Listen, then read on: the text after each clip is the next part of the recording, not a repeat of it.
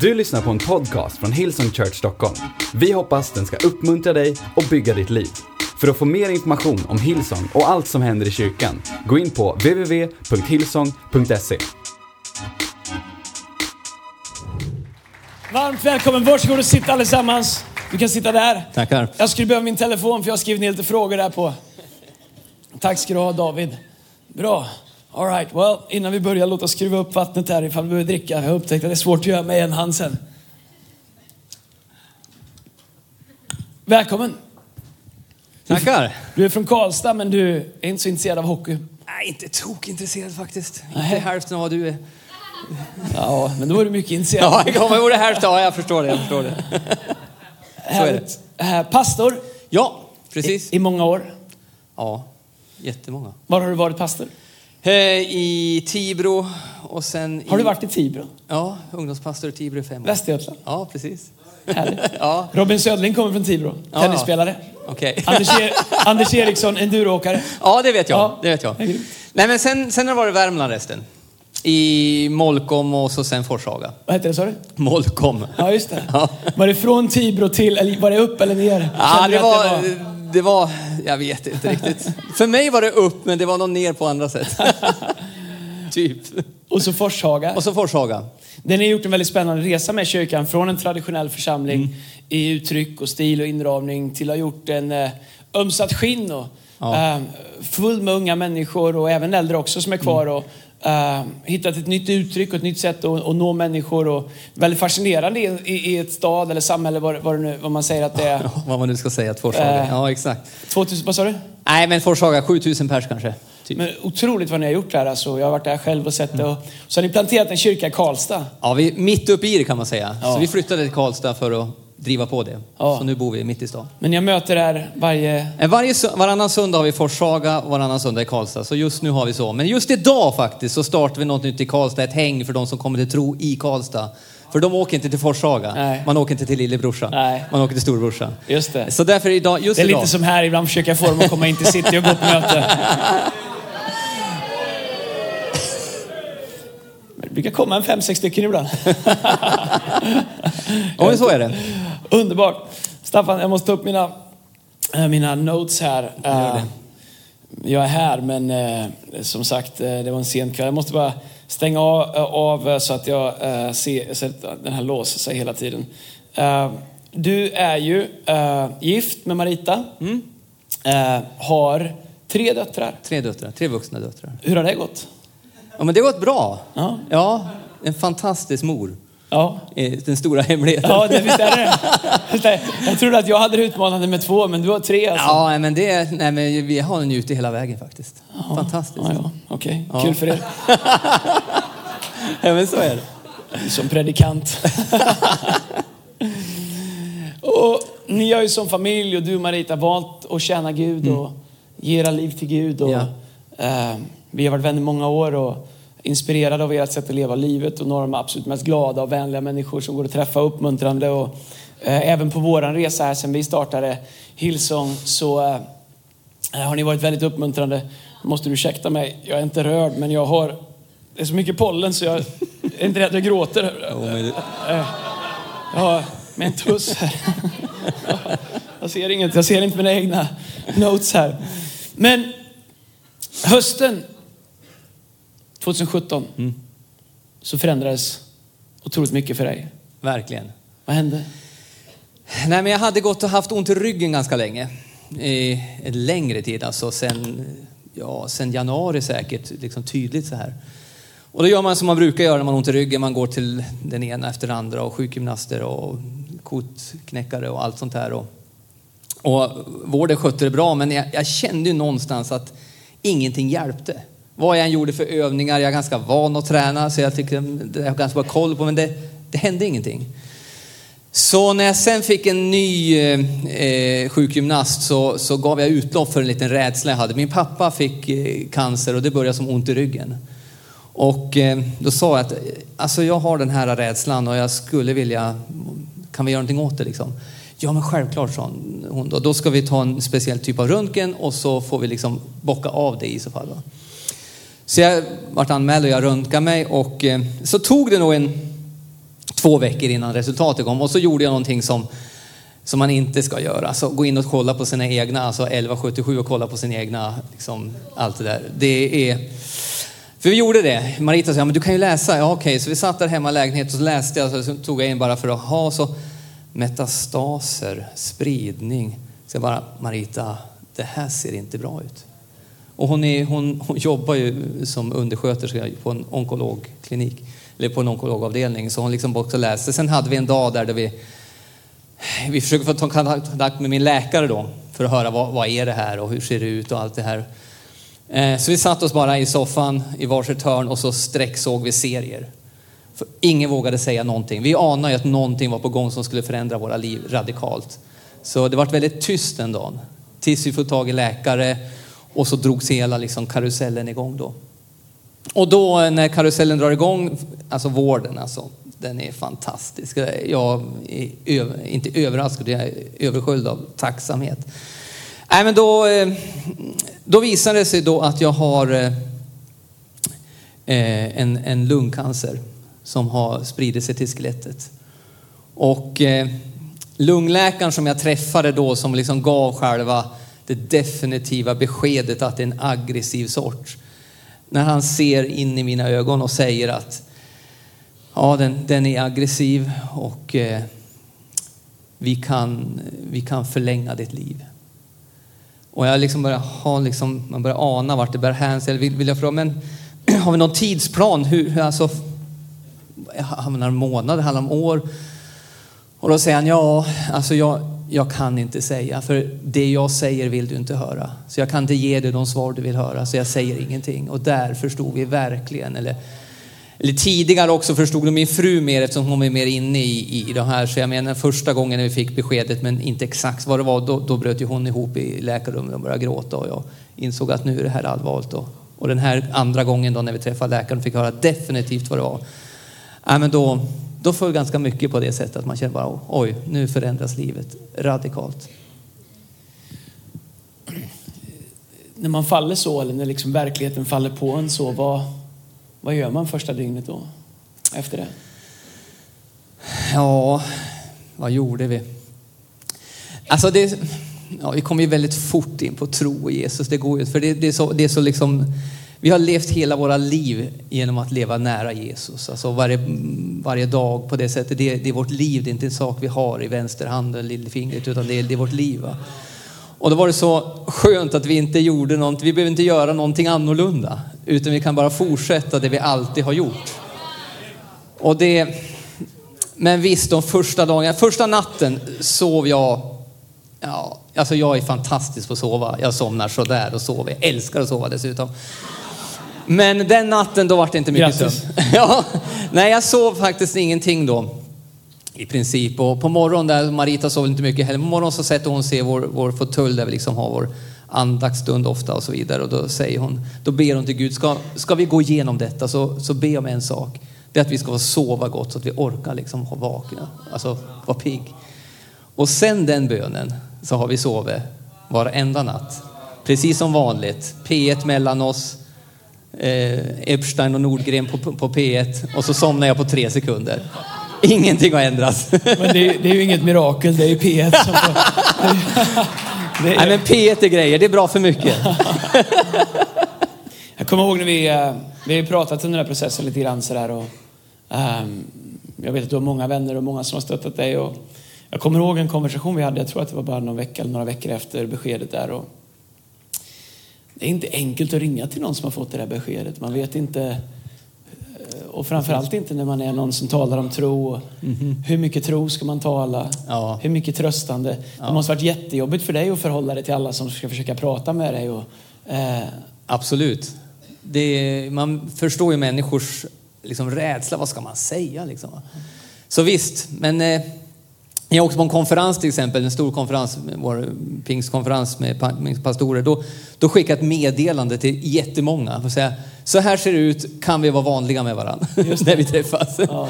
Bara för att liksom lätta upp det hela. Va? Men visst, det, det är inte lätt. Nej. Det är inte det.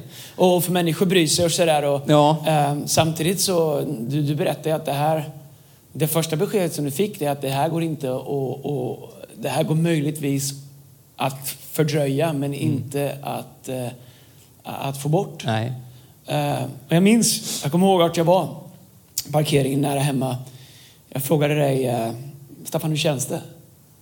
Och, och jag blev, eh, jag ska inte säga att jag blev provocerad av ditt svar, men jag blev eh, eh, jag var tvungen att lyssna flera gånger om det verkligen var, om det var predikanten Staffan eller om det var min kompis Staffan jag pratade med. För du sa, nej men Andreas det är bra. Och bara där så blev det ju körigt.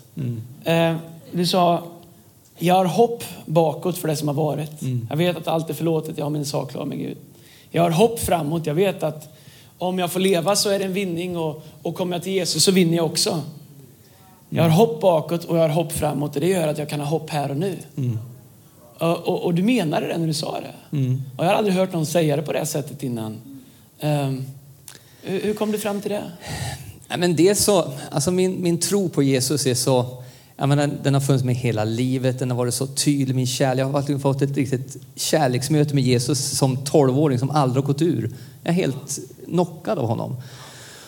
Och varenda söndag träffas vi för att fira hans uppståndelse. Det är hela grejen liksom. Och det där, det där är liksom, det där är, och nu har man ju alltid undrat vad, vad händer när man får ett sånt här besked? Håller tron? Är det på riktigt? Hur skulle jag själv reagera om man tänker sig andra situationer? Var jag där själv och märkte att wow, det här är på riktigt.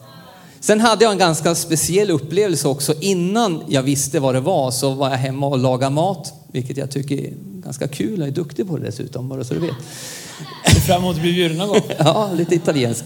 Nej, men i alla fall så stod jag där så hade jag en, en grupp, en kristen grupp som heter Benesser som spelar i bakgrunden där. Så kommer ett, ett stick där det, liksom, det blir som att Gud säger igenom dem liksom att eh, du är min älskade, jag ska aldrig överge dig, jag ska, ja, jag ska omsluta dig, jag ska aldrig överge dig för du är min älskade. Och på något vis så bar jag någon oro i kroppen ändå, att något var på gång eftersom jag hade ont och inte visste vad det var och allt detta. Och där på något vis får jag sånt där gött möte med Gud. Jag bara faller på knä, jag gråter och inser att Gud talar i mitt liv att jag är hans älskade. Han kommer aldrig överge mig, han kommer alltid vara med mig. Och det fanns i botten när det här kom. Plus hela livet av gemenskap med Gud. På något vis, ja, Gud är god ändå liksom och Gud är på riktigt liksom. Och det, det var så tydligt. Det du sa till mig när du sa att du har hopp bakåt, du har hopp framåt, därför har du hopp idag. Och sen i nästa mening så sa du, men såklart så är ehm, såklart så är det jobbigare för dig att bära Marita, din fru och dina tre döttars eh, att, för, att bli ensamma. Ja. Hur, hur har det varit för er som familj och hur, hur har du förhållit dig till det? Nej, men vi har fått haft de kanske jobbigaste samtal man, man ska få ha när vi inser att nu ska jag och Marita, först måste jag och Marita verkligen prata om det här på riktigt. Jag menar, det är oftast jag som sköter liksom, eh, räkningarna och när hon säger nu vill jag lära mig detta, kan jag få sitta ner och så kör vi det här tillsammans. Då vet vi båda, outtalat vet vi vad det här handlar om. Så det finns ju tillfällen som är liksom outhärdliga på ett vis. Va? Eller när vi ska åka till våra döttrar som inte bor hemma, vi ska åka till till Oslo och möta två döttrar. Vi tänker, det är konferens, det är Hillsong och konferens, vi är där samtidigt, vi tar två flugor i smällen. Liksom. Men så inser vi, när ska vi säga detta? Vi kan inte liksom, äh, vi, vi går ut och äter, så vi beställer och så medan vi väntar på pizzan så måste vi bara säga detta och det vart inte mycket ätet på den restaurangen. Alltså de där samtalen, alltså det har varit det mest jobbiga i livet, absolut. Eh, så det är ju, de, det, är ju det som eh, är, är jobbigt i detta. Så som du säger, jag menar jag har ändå, när vi gick ut med det här i kyrkan också, för man är pastor, hur ska vi, hur ska vi hantera det här som, som pastor och som församling? Va?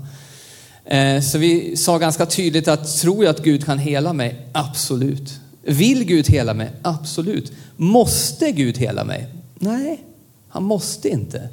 Människor måste bli frälsta, men han måste inte hela mig. Han kan det, han vill det, men han måste inte. För vi har något viktigare, alltså att frid med Gud, det är liksom det högre målet. Andra är ändå temporärt. Va? Så det är den hållning vi har haft och då får man hantera både hoppet och de jobbiga. Jag, jag, kan, ju, jag kan ju förstöra en dag, absolut. Om jag vaknar upp och väljer att vända blicken mot att tänka på Marita som ensam eller mina barn eller ja, hur ska min begravning bli? Alltså, då har jag förstört en dag verkligen. Har du tänkt mycket på det? Ja, alltså nu... Din in- begravning och hur poppar det upp? Och... Ja, det är klart. Alltså, saker och ting poppar ju upp. Alltså, tanken är ju så snabb. Du har inte styr på din tanke, men det som är hemligheten, det är vad du tillåter tanken liksom att sätta bo. Va? Tankarna bara kommer. Va? Men, men frågan är vad du liksom stannar upp för, vilken tanke du griper tag i. För på, ett, på en del morgnar var det ju så här att, du vet när man har en mardröm och så vaknar man upp, åh skönt det var en mardröm. Många morgnar var det tvärtom. Du vaknar upp och du drömde, jag älskar att sova, jag tycker om att drömma, jag drömmer varenda natt, kommer ihåg vad jag drömmer. Och så vaknar jag upp och inser att jag vaknar upp till mardrömmen. Det är de första minuterna jag ligger vaken och inser, jag ska dö, troligtvis snart. Så absolut, eh, har man den här diagnosen så kan man inte undgå tankarna. Men det är inte bara en sak som är sant i våra liv. Det finns, man kan ha eh, flera saker. Det finns dåliga saker i våra men det finns också bra saker. Och då, då handlar det om att fokusera på det som är, det som är sant samtidigt. Och, och, och det, det har jag blivit ganska bra på. Eh, för hur den är, även om jag är sjuk och allt detta så, så är Gud fortfarande god. Eh, han älskar mig, jag har ett fantastiskt liv, jag är oerhört tacksam. Och det var också en sak som vi märkte ganska fort. Att ett, jag är inte rädd för att dö. Eh, det som du sa, jag menar som, som troende har Jesus i sitt liv så kan man inte förlora. Det går inte. För han har redan vunnit. Va? Så, så det finns liksom inget sätt, det enda man kan förlora det är, det är en viss mån av tid tillsammans. Men i jämför om du skulle sträcka ut det till en evighet så är det ganska litet. Och Bibeln säger det att våra lidande väger oerhört lätt och är korta jämfört med det som kommer. Och när man börjar få det perspektivet, ja men då inser man visst vi kan förlora en tid, men vi kan inte förlora detta. Vi kan bara vinna det, för vi har redan vunnit det. Så liksom, så alla triumfkorten sitter på oss egentligen va. Och det, vad, det är sant. vad har det gjort med saker som tidigare var stora för dig? Saker du störde dig på eller saker som du drog på, kanske konversationer eller Mm. har har det förändrat ditt sätt att förhålla dig till människor? Förhålla dig till omgivningen, förhålla dig till liksom vad som är viktigt i livet? Oh, inte jättemycket, för jag, jag har nog tänkt, vi har varit ganska krassa jag och min fru hela livet, att se att livet är vad det är. Min, min svärfar dog 50 år knall och fall. En gudsman, stark på det sättet. Va? Så man tänker, det, det, det här händer, det drabbar och det gäller att ta vara på livet och göra det Gud har sagt till mig att göra nu. Va? Men visst, en del saker. Jag menar, jag skaffade en liten segeljolle i fjol. Liksom segla laser liksom. Det måste man göra en gång i sitt liv tänkte jag. Så det skaffade jag i fjol och seglade omkring i den. Du vet att det finns med motor också nu. De har kommit på det. Det går att köra motor också. Ja, precis. Men det är roligare med segel. Ja. Så lite så att man faktiskt, och det, det märker man när man tar med andra i den här situationen, man njuter ännu lite mer av varje dag.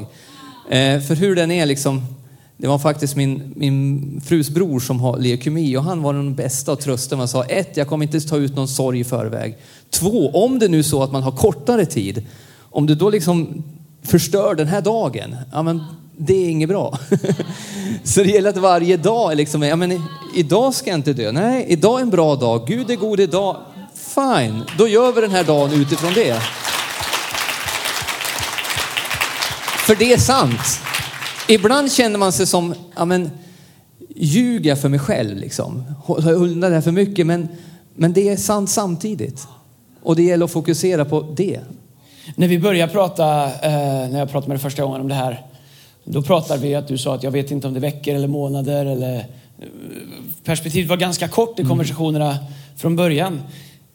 Ingen hade ju klandrat dig om du hade varit sjukskriven och liksom eh, men jag vet inte vad. Åkte, gjorde runt och tatuerat dig eller vad som helst. Eller bara fokuserat på dig själv. Tatuera mig redan gjort så Ja, det, är, all för right. sent. Ja, ja, man får hålla det ovanför armbågen här så det inte syns det.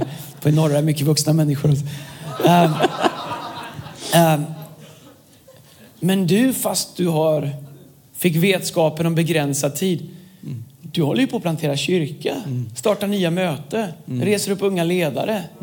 Alltså mer än någonsin. Va, eh, Det finns en diskrepans mellan att det finns en Gud som skulle kunna hela dig så här. Alltså vi behöver ju dig här länge och hoppas att vi får ha det också. Absolut. Du, förstår du? Det, jag va? Nej, men vi behöver dig här länge. Och samtidigt så vet vi att vi förstår inte allting. Men än- ändå så har du valt att den Gud som faktiskt har allting i sin hand, du har valt att fortsätta göra det du gjorde. Har det någonsin varit en fråga för dig eller hur har du resonerat kring det? Nej, nej, nej ja, det var en fråga om ork i och för sig, om, om medicinen, om, om jag inte orkar rent fysiskt. Men ett tag var jag helt utskriven. Och, eh, och sen det finns fantastiskt bra medicin nu så jag märker att jag mår ju ganska bra liksom. Och då fanns det inte ett option att fortsätta vara sjukskriven. För det skulle vara liksom ta bort någonting av det jag är. Att tjäna Gud, att vinna människor för Gud, att resa upp ledare, att bygga kyrka. Det är liksom det är min kallelse, det, det, det är Staffan. Det är det jag gör, liksom. det är det jag lever i. Så det var aldrig liksom tanke att nu ska vi göra något helt annat. Nej, nej, nej, absolut inte. Tvärtom.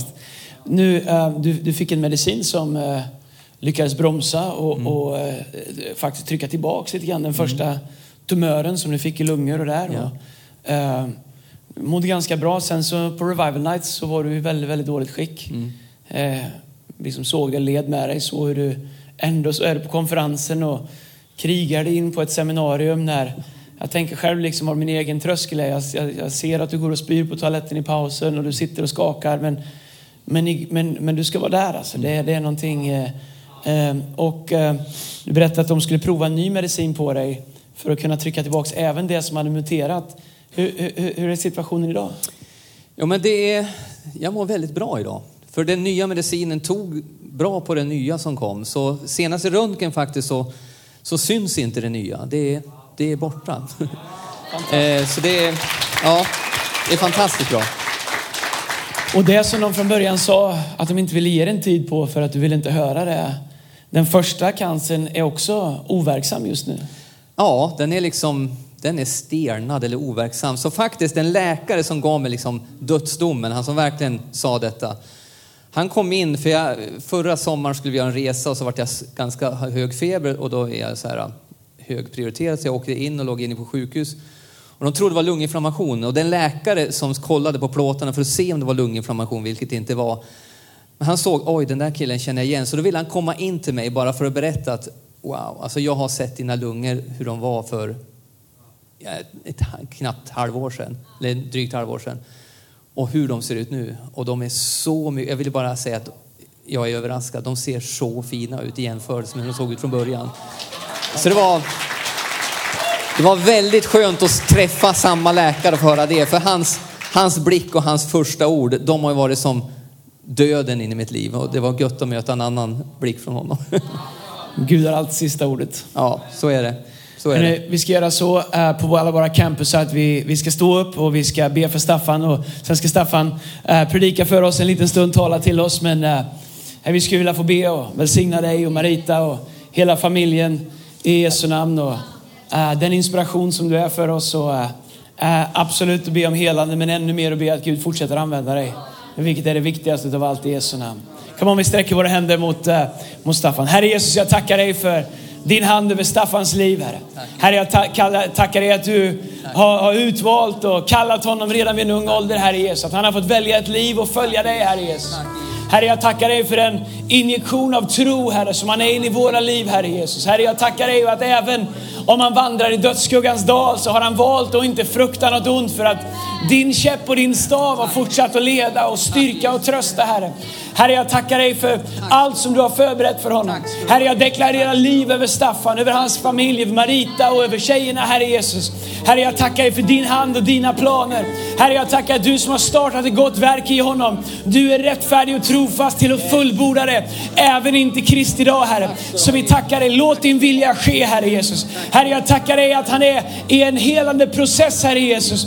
Där du gör mirakler, Herre, för hela omvärlden till att se, Herre. Både fysiskt, men också genom det sätt som han lever och leder och återspeglar dig i varje dag av den här processen, Herre. Herre, tack för din hand över honom. Tack för din kraft i honom, Herre. Herre, jag ber att du skulle styrka honom. Att du skulle ge honom en övernaturlig favör, Herre. Herre, ge honom en röst, Herre. Långt mycket längre än vad han någonsin har haft, Herre Jesus. Herre, jag ber, Herre, att världen, att läkare, att omgivningen skulle få slås av häpnad av din makt, av din kraft. I Jesu Kristi Nazarens namn. Vi deklarerar din välsignelse, ditt beskydd och din hand över hans liv. Helande och hälsa. I Jesu Kristi Nazarens namn vi ber. Amen. Varsågod Staffan, nu ser vi fram emot att lyssna till dig.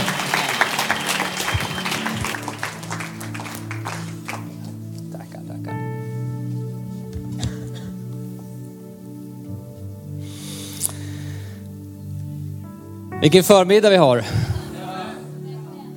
Jag vill först bara tacka Lina och Andreas och, och Hillsong i stort för oss personligen som Marita och mig. Ni har betytt så otroligt mycket som våra vänner, men också som kyrkan har betytt otroligt mycket. Så jag har också med mig från Home Church, från vår församling, så hälsa och tacka och säga att vi älskar er. Vi är så glada att ta rygg på er. Vi får så mycket tro och så mycket inspiration i det vi gör i Värmland. Värmland är i stort behov av Jesus. Så därför behöver vi mycket tro och därför behöver vi koppla mer. Så tack ska ni ha. Vi är så glada, så tacksamma. Hörrni, jag ska ta några minuter och få tala om lite grann om, om att få hjälp. Vill du ha hjälp? Det är skönt att få hjälp ibland. Hur många har fått hjälp att byta däck nyss? Ja, man fick betala för det, men det är skönt att slippa göra det själv. Grymt skönt. Eller i förra året så sålde vi något hus och det är väldigt skönt och så säger mäklaren, Eh, jag kan hjälpa dig med alla de här mm, deklarationsgrejerna som har med liksom vinst och allt det Jag hjälper dig med det. Det är skönt om någon annan gör någonting ganska svårt åt en. Eller hur? Eh, och det, det, det är gött. Och då funderar jag på, vad är det svåraste som du skulle vilja be om hjälp för? Vad är det svåraste? Om, om, du, tar, om du får ta allting i livet och säga, tänk om någon kunde göra det här så jag slapp det. Tänk om någon kunde hjälpa mig med det här. Fundera på det. Vad är det svåraste? Jag har funderat på det. Tänk om man skulle tänka, tänk om någon annan skulle dö för mig. Tänk om jag slapp det. För hur den är så har vi alla kämpat vi mot döden här inne. Jag har blivit sminkad idag, då var det inte för att förstärka liksom linjen utan för att släta ut saker. Och det är många som har gjort det i det här rummet idag. Och vad handlar det om? På något vis så ryggar vi för någonting ofrånkomligt som vi vet kommer närmare oss. Och Bibeln beskriver här att det finns många som är rädd för döden. Vi fruktar döden på många sätt. Och den, tänk, tänk, vore inte det helt fantastiskt om man bara kunde säga, någon annan gör det där åt mig. 1941 i ett koncentrationsläger i Polen, i Auschwitz, så var det några fångar som hade rymt. Och man ville statuera ett exempel på att så här gör man inte. Så man hade valt ut tio stycken random som sa att de här människorna ska få dö på grund av att någon annan försökte fly för att visa att ingen mer ska fly från det här campet. Och när en, en, eh, en man som hette, ja det går inte att uttala, det är polenskt, alltså Franciszek Gornacny, alltså det är alltså det, ja det är jättemånga J och Z och K och allting. Han skrek högt när hans namn vart ropat, de ropade ett massa namn och så skrek de upp hans namn. Och då säger han så här, hur ska det gå för min fru och mina barn? Nu får jag aldrig se dem igen. Och när han säger detta så är det en man som heter Maximilian Kolbe som är franciskanmunk, en troende människa som kliver fram och säger med risk för väldigt mycket, hallå, skulle jag kunna få ta den mannens plats? Och de, de godkänner detta. De säger okej, okay, han går fri och du. Så de, de, de, sätter in de här i en cell som finns i Auschwitz och ser tio stycken män som de ska svälta ihjäl.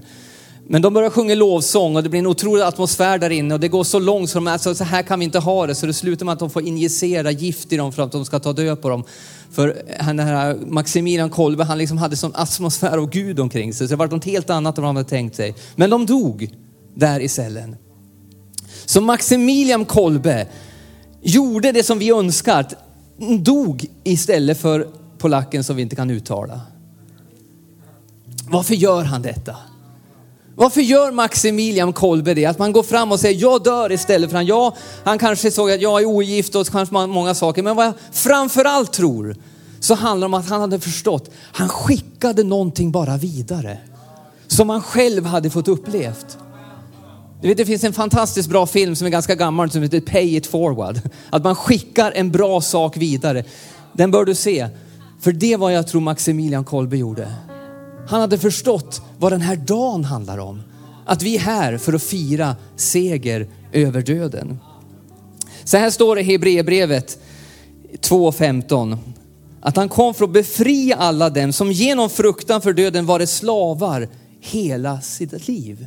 Jesus kommer alltså för att befria oss som är slavar på ett eller annat sätt hela vårt liv och sätta oss fria. Jesus säger själv så här när han talar med en kvinna. Då sa Jesus till henne, från Johannes evangeliet 11, då sa Jesus till henne, jag är uppståndelsen och livet. Den som tror på mig ska leva om han än dör och den som lever och tror på mig ska aldrig någonsin dö. Tror du detta? Alltså vilka ord. Alltså den som, jag är uppståndelsen, den som tror på mig ska inte dö. Men, och den som lever och tror på mig ska aldrig någonsin dö. Jesus kom för att dö din död. Så det är som den ultimata önskan. Tänk om någon annan kunde dö. Vi är här för att fira det idag. Det är därför det är lite röj här framför. För att vi egentligen firar att Jesus uppstånden, att han lever på riktigt. Ingenting annat. Det är därför vi är här. Du vet den judekristna församlingen, de firade egentligen, först firade man på, på lördagen, det är sabbaten, men man ändrade det till söndagen för det var på en söndag som Jesus uppstod från de döda. Jag minns när jag var i Israel för några år sedan och jag är inte så nostalgisk, jag hade inte velat åka dit så jag tänkte, ja ja det kanske är kul på något sätt. Men så var jag där och så insåg jag, det är bara några kilometer till den fysiska platsen där det här hände. Som förändrar allt. Som förändrar allt i våra liv. Som tar död på själva döden. Det finns ett ord ifrån första Korinthierbrevet och, och The Message har en ganska radikal liksom, eh, parafras av det. Den står så här. Vem fick sista ordet död? Vem är rädd för dig? Död. Lite så här kaxigt, uppkäftigt säger Paulus säger det. Vem fick sista ordet? Vem är rädd för dig nu? I den andra översättningen så står det så här, döden är uppslukad, segern är vunnen. Död, var är din seger? Död, var är din udd? Dödens udd är synden. Ja, Staffan, du säger att, att någon har kommit och dö och tagit döden istället för mig. Men hallå, döden finns ju kvar. Ja, den gör det. Men den är ofarlig. Jag skickar några bilder här. Ni är ganska många här som är rädda för getingar. Har vi den bilden? Där ja. Alltså, hur många är rädda för getingar här inne? Vad är det vi är rädda för? Är det det där, det där, det, nej det är det där. Det är det vi är rädda för. Så om vi skulle fånga den här getingen och ta bort den där, så förvandlas den där till en nästa bild. Till en sån. Till en husfluga. För den farliga getingen sitter i udden. Men ta bort udden och den är ganska harmlös som en husfluga. Och vad var det vi läste här nu? Om vi går tillbaka till bibelordet.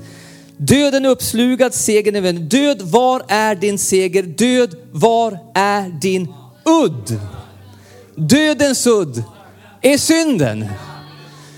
Det är det som är grejen. Jesus kom för att ta tag i synden. Som är själva udden, som är själva problemet i döden. Men tar vi bort synden ur själva ekvationen. It's another story.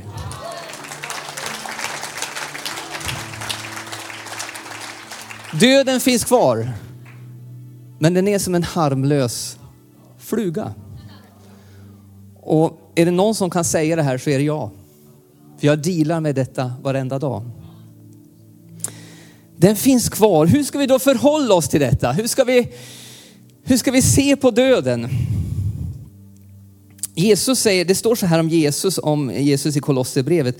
Han är huvudet för kroppen, för kyrkan. Han som är begynnelsen, förstfödd från de döda till att överallt vara den främste.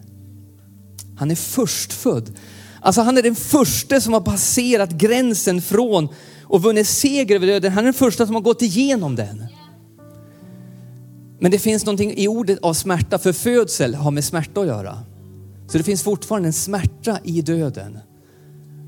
Men tänk om det är en födsel till något mycket större. Det står det om Jesus, att han är den förstfödde från de döda.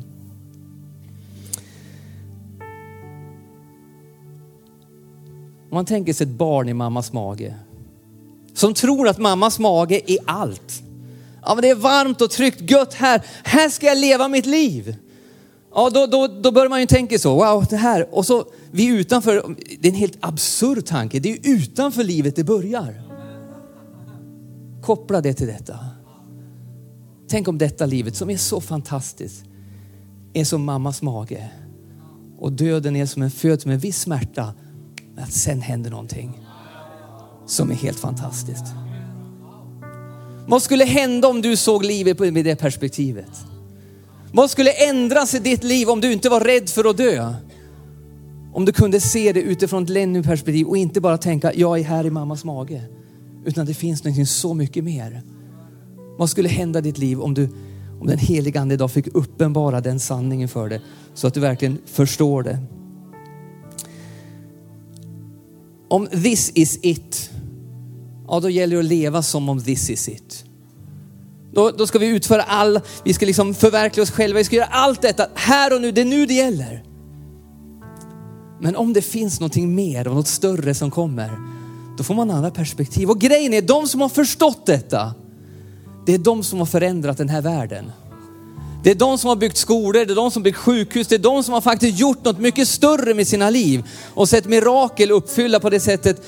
För man säger att mitt, mitt liv är större än så här. Det handlar inte bara om mammas mage, det handlar om mycket mer. Så det är inte bara jag och mig och mitt här, utan det finns så mycket större. Och man har investerat sitt liv på ett annat sätt när man har sett det på det sättet. Så min vän, det är någon som har dött för dig. Det är någon som har tagit tag i det här. På riktigt. Inte bara som en krycka genom livet. Ja, de kristna har en krycka, utan Jesus är uppstånden. Han lever. Och därför ska vi också leva. Till slut då. Vill du dö själv? Eller vill låta Jesus dö för dig? Vill du ta tag i det här problemet som vi alla har? Vill du ta tag i det själv? Eller vill du bara säga, okej, okay, kan du ta hand om detta? Ska vi be tillsammans? Tack ska du ha Jesus. För att du lever idag, att du är uppstånden Herre. Du vet jag är så, så lycklig och så privilegierad att få vara ditt barn Herre. Tack för din kärlek, tack för din nåd, tack för din trofasthet. Ja, tack att du aldrig sviker Herre. Jag tackar för min egen upplevelse av din enorma trofasthet Herre. Tack också att du framförallt att du har besegrat döden så vi inte behöver leva i fruktan för döden utan vi kan leva ett annat liv Herre. Med mycket längre perspektiv, med mycket and, med andra typer av mål och sätt att tänka på olika saker Herre. Jag tackar dig för det Herre. Och jag ber att den sanningen ska borra sig ner i kanske några speciellt här som kämpar på olika sätt idag Herre. Där frid och lugn och harmoni och trygghet får komma in här i Jesu namn. Jesus vi älskar dig. Du är det bästa vi har. Tack ska du ha. Amen. Amen. Ska vi stå upp och lovsjunga tillsammans lite till?